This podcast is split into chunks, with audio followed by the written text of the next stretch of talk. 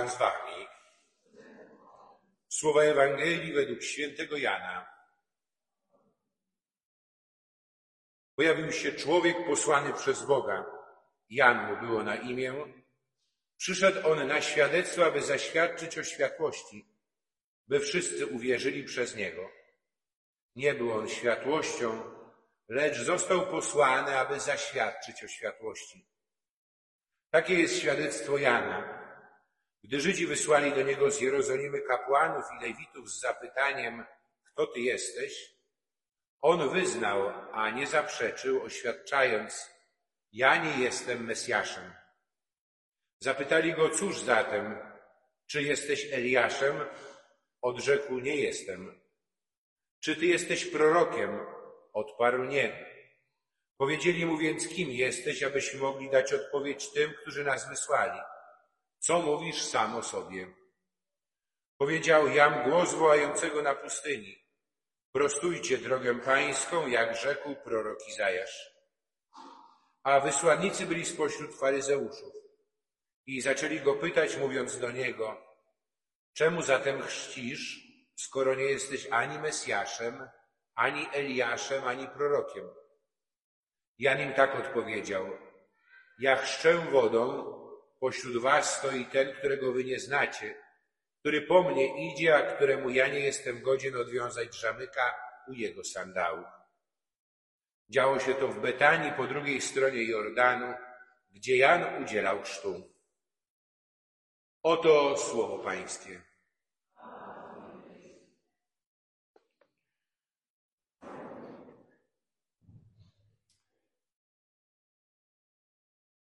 Dzisiejszą trzecią już niedzielę Adwentu zostaliśmy wyprowadzeni na brzegi Jordanu do Betanii i tam jesteśmy świadkami pytań, które wysłannicy Żydów z Jerozolimy zadają Janowi. Pytań o to, kim on jest. I słuchamy jego świadectwa.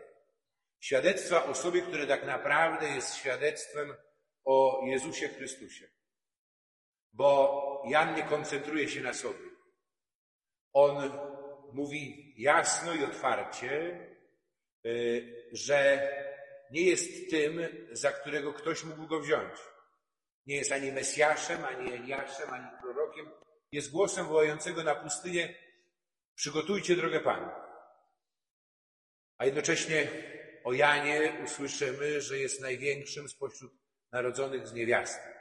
I ta jego wielkość bierze się z czego? Z tego, że on nie jest y, tylko tym, który zapowiada przyjście Mesjasza, ale jest pierwszym spośród tych, którzy ogłaszają ludowi i światu, że Mesjasz już przyszedł, jest między nami, że Bóg dotrzymał swojej obietnicy i że Mesjasz y, narodził się już, stał się jednym z nas. I Jan jest posłany jako pierwszy, aby jego ukazać ludowi, aby przygotować, możemy powiedzieć, warunki na jego y, ujawnienie, objawienie się. W pierwszym czytaniu z księgi proroka Izajasza, to już jest trzecia część księgi proroka Izajasza, tak zwany Tryto Izajasz. Czyli jesteśmy razem z ludem wybranym już w Jerozolimie po jego powrocie z niewoli babilońskiej. I to, co było też jej źródłem radości, entuzjazmu, teraz jest poddane próbie, bo lud wraca do swojej ojczyzny, z której został e, wyprowadzony do niewoli babilońskiej na skutek czego? Na skutek tego, że Pana Boga odsunął. Pan Bóg, można powiedzieć, został jakby zdetronizowany, przestał zajmować pierwsze miejsce. Był obecny w życiu ludu, ale jako dekoracja, jako dodatek, ale nie jako ten, którego słuchano i którego wolę starano się pełnić. Bóg był traktowany jako pomoc w realizacji ludzkich planów, ludzkich zamierzeń i Izrael doświadczył tego, dokąd prowadzą właśnie takie ludzkie sojusze i dokąd prowadzi poleganie na sobie samym. Doświadczył klęski, upadku, e, zniszczenia, doświadczył e, też i gorzkiego smaku niewoli. Ale teraz już powrócił do siebie. Już powrócił do siebie, wrócił do tej ojczyzny, którą jest ziemia obiecana, którą dał mu Pan. Pan, który nie odwrócił się od swojego ludu, pomimo jego grzechu i niewierności. Pan, który go przyprowadził z powrotem, yy, ale teraz co się okazuje? Że ta ziemia jest zniszczona, że świątynia jest zrujnowana i że teraz Izraela czeka yy, długa i ciężka praca podnoszenia wszystkiego. Ta praca, czy to zadanie, które zdaje się przekraczać yy, możliwości ludu. I wdziera się właśnie i rozgoryczenie, E, i smutek, i rozczarowanie. A tak naprawdę to, czego brakuje Izraelowi, to obecności Pana pośród nich. I teraz ten Tryto Izajasz, jak go nazywamy, czyli jeden z uczniów z kręgu szkoły e, Izajasza, słyszymy po pierwsze o jego powołaniu. Powołanie proroka to jest powołanie do tego, żeby iść głosić dobrą nowinę, ale?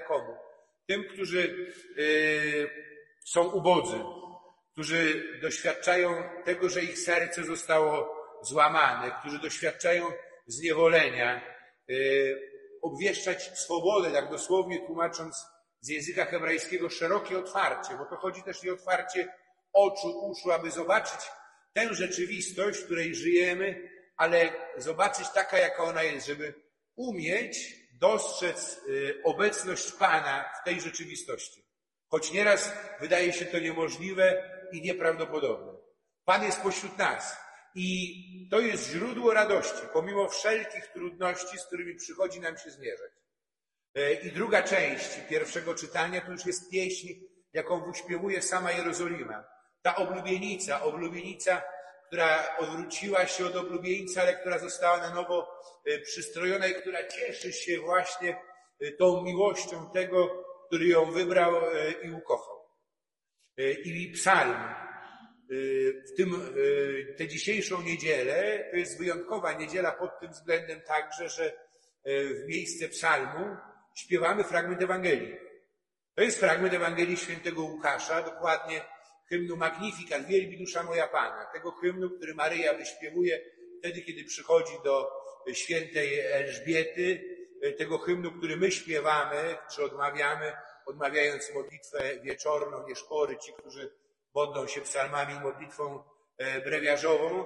E, Maryja, która wychwala Pana Boga, która e, ku Niemu kieruje pieści dziękczynienia i uwielbienia. I dziękuję Mu za to wszystko, co uczynił w historii jej ludu. Dziękuję za wybranie, choć wiąże się to też i z krzyżem i cierpieniem. I przychodzi nie sama, ale przychodzi nosząc pod sercem e, Zbawiciela, Jezusa Chrystusa. I to spotkanie, to nawiedzenie świętej Elżbiety jest jednocześnie pierwszym spotkaniem świętego Jana Chrzciciela e, z Jezusem Chrystusem. Bo tak jak Jezus jest e, pod sercem swojej matki Maryi, tak Jan Chrzciciel jest obecny już pod sercem świętej Elżbiety. I to jest pierwsze spotkanie tych, którzy potem na nowo staną obok siebie w czasie chrztu w Jordanie, a wcześniej nadejście i objawienie się Jezusa Chrystusa będzie Jan zapowiadał e, tym wszystkim, którzy wyjdą na pustynię, odpowiadając na to wezwanie, zaproszenie, idąc za głosem też i e, swojego serca. A drugie czytanie, fragment e, pierwszego listu świętego Pawła do Tesaloniczan. Paweł zakłada kościół w Tesalonikach zakłada wspólnotę, ale musi potem opuszczać Tesaloniki prześladowany przez swoich współbraci, przez Żydów. Pisze list do wspólnoty, która zaczęła się rozrastać i w której też i dużą część stanowią nawróceni z pogaństwa. I oni doświadczają teraz bardzo trudnego czasu prześladowania. I święty Paweł pisze do nich. I jakbyśmy tak stanęli w ich miejscu, to można by powiedzieć, zapytać się, no co święty Paweł robi? Czy szydzi sobie z nich? Bo to są ludzie, którzy doświadczają cierpienia, którzy doświadczają zagrożenia swojego życia, którym wszystko się wali na głowę, a on ich wzywa do czego? Do radości. Tyle, że pisze do nich ten, który sam razem z nimi był, którego poznali i który też takiego prześladowania doświadczył. Ten, którego życie było też i nieustanną modlitwą i dziękczynieniem składanym Panu Bogu także i w chwilach prześladowań, w chwilach cierpienia. Święty Paweł zachęca Tesaloniczan do tego, aby właśnie radowali się nieustannie modląc się i dziękowali w każdej sytuacji, rozpoznając obecność Pana Boga przy nich. Bo tak naprawdę źródłem prawdziwej radości jest bliskość, jest obecność Boga. To nie jest przyjemność, jakiej doznajemy. To nie jest y, to, kiedy wszystko się w moim życiu wykłada, układa zgodnie z moimi y, oczekiwaniami, planami. Ale prawdziwa radość jest owocem bliskości i doświadczenia miłości tego, który jest przy mnie także i w sytuacji opuszczenia, także i w sytuacji próby, także i w sytuacji trudności. I wracamy z tym słowem na tę równinę przy Jordanie do Betanii. E, słuchamy tego, co Jan Chrzciciel sam mówi o sobie e, i mamy świadomość tego, że Betania to jest też takie szczególne miejsce. Że to jest miejsce, które stanie się niezwykle ważne dla Jezusa, bo tam będą mieszkali Jego najbliżsi przyjaciele. Marta, Maria, Łazarz. E, I to nie jest tak. Jezus jest w pełni człowiekiem, jest Synem Bożym, ale dzieli z nami całą naszą kondycję za wyjątkiem grzechu. I On tak samo doświadcza chwili radości i smutku. Potrzebuje także i takiego ludzkiego wsparcia, umocnienia, doświadczenia bliskości, czułości, zrozumienia, wsparcia. I On taki dom znajduje właśnie w Betanii. Tam ma swoich przyjaciół. Tam jest y, ta przestrzeń, gdzie może E, odpocząć, gdzie może doświadczyć właśnie takiego umocnienia, bliskości, przyjaźni, takiej też i ludzkiej miłości.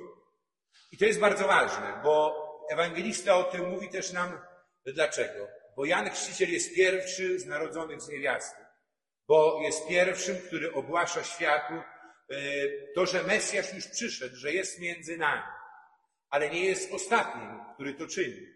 Bo on rozpoczyna cały szereg osób, które stają się e, świadkami e, obecności Mesjasza Jezusa Chrystusa pośród nas.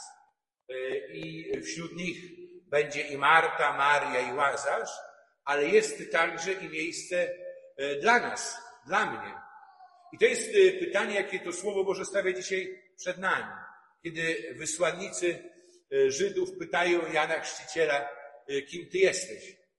I po tych odpowiedziach, kiedy on jasno mówi, nie jestem ani Mesjaszem, ani Eliaszem, ani prorokiem, pytają, a co Ty mówisz o sobie? Dzisiaj taka sztuka autoprezentacji jest niezwykle ważna. Y, każdy ma z tym do czynienia.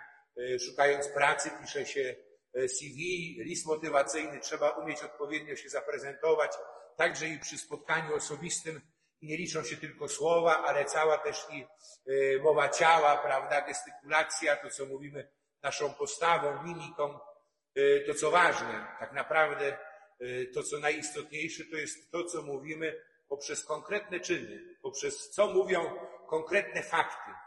My bardzo łatwo poddajemy się właśnie różnym formom manipulacji, ulegając właśnie dobrze przygotowanym e, prezentacją, e, obietnicą. Natomiast to, co kluczowe i ważne, to są fakty.